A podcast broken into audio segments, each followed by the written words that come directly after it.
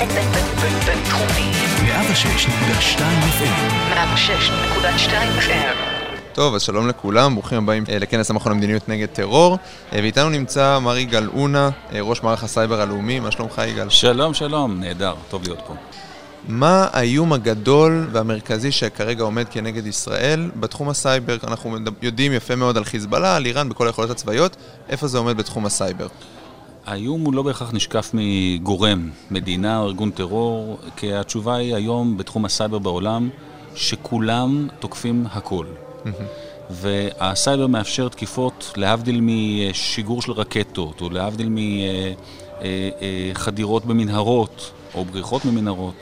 כל העולם הישן הזה עדיין קיים. נוסף אליו רובד חדש שהוא קיברנטי, ואז יכול תוקף, שהוא יכול להיות ארגון טרור או אקטיביסט או סתם אנטישמי או שונא ישראל, לשבת בקצה השני של העולם ולתקוף עם אמל"ח שהוא בכלל משיג, אמל"ח, נשק סייבר שהוא משיג מהרשת, מהרשת האפלה או אפילו מהרשת הגלויה.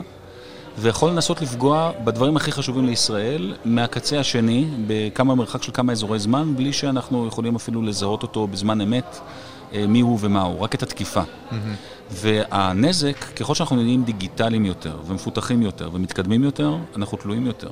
תלויים יותר בדיגיטל, נכון. באינטרנט, ולכן גם פגיעים יותר. וישראל... בצד הטוב, אנחנו מתקדמים ומפותחים. כן. הדאונסייד של זה, החיסרון הוא שאנחנו הרבה יותר פגיעים. מאשר מדינות אחרות. נשמע שזה גם אפשרויות פגיעה בלתי מוגבלות. זה בפירוש אה, המשטח התקיפה, אנחנו קוראים לזה. היכולת לפגוע בנו. כן. אה, היא גדלה בטח בשנים האחרונות, בשנתיים האחרונות, כמעט אה, הכפילה, או פי עשר. כן.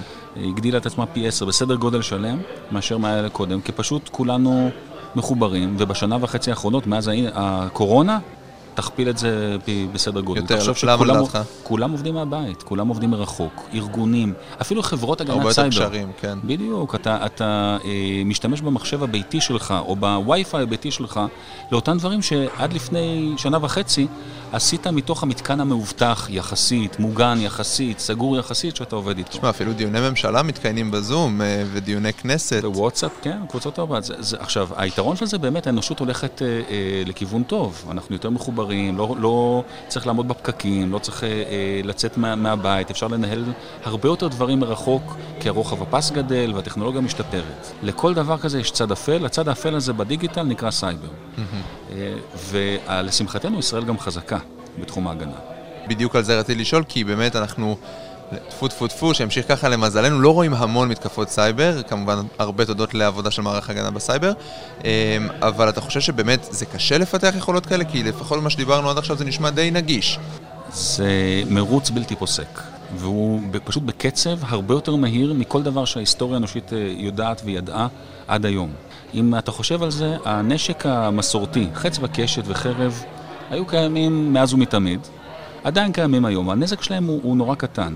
אה, ביקוע גרעיני, פיצוץ גרעיני זה נזק אה, עצום, אבל כדי לייצר אותו אתה צריך אה, רמה של מדינה מפותחת. יש מעט מאוד מדינות, וישראל הרי פועלת כדי שזה יישאר מעט מאוד מדינות.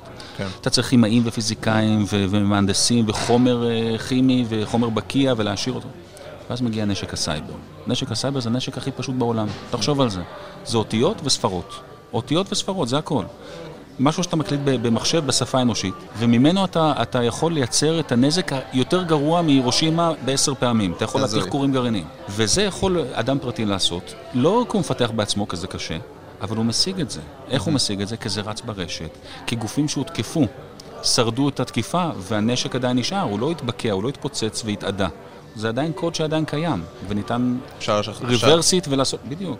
מדהים. ולכן במרוץ הזה, אה, ידו של התוקף כמעט תמיד על העליונה, ולכן חלק מהעניין זה איך אתה רץ יותר מהר אה, מעצמך ומאחרים. שהתוקפים יתקפו אחרים, כי הם פחות, הם אגנוסטים בהכרח אם זה ישראל או ישראל. הם okay. רוצים אוקיי. כסף, הם רוצים להזיק, הם רוצים פרסום, כן. שימצאו אותו במקומות אחרים. ישראל, יש לה את היתרונות, גם יתרון לקוטן. אנחנו אי, אי נכון. דיגיטלי. אנחנו, אה, יש לנו צבא חזק, יש לנו מערך הגנת סייבר חזק, יש לנו יכולות אה, הגנה חזקות, אנחנו יודעים להתמודד עם הדברים האלה קצת יותר טוב מאחרים, אבל אף פעם אסור לנוח ולעצור המרוץ הזה נמשך. אסור להיות שאננים. אסור לרגע אחד לחשוב שידנו על העליונה, למרות שאנחנו עדיין מובילים. לסיכום ככה, אם יש לך איזה אירוע קטן שאתה זוכר ש, שבאמת הרגשת את אה, מלוא עוצמתה של ישראל במובן ההגנתי של הסייבר? אני יכול להגיד לך ש...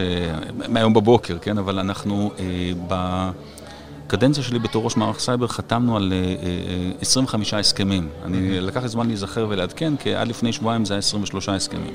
אה, עם מדינות ועם ארגונים בינלאומיים. כל ההסכמים האלה, הסכמי אה, שיתוף פעולה בסייבר, אה, האחרון היה עם סלובניה, שבוע קודם היה עם מרוקו. וואו. אה, ונסעתי לשם במיוחד עם שר האחראי על ההגנה שם. אה, כל ההסכמים האלה בלי יוצא מהכלל היו ביוזמת הצד השני, לא ביוזמת ישראל. אה, וזה אחד הדברים ש, שיכולים לחמם את הלב לכולנו, לאזרחי ישראל, כי זה באמת מאמץ קבוצתי. וקיבלנו פרס ביטחון ישראל, אה, מערך הסייבר יחד עם יחידה 8200 באמ"ן ועם חטיבת ההגנה ואגף התקשוב, עם שב"כ ועם המוסד ועם אה, מלמ"ב, mm-hmm. על מאמץ משותף, על שילוב כוחות מנצח של שחקני הגנה.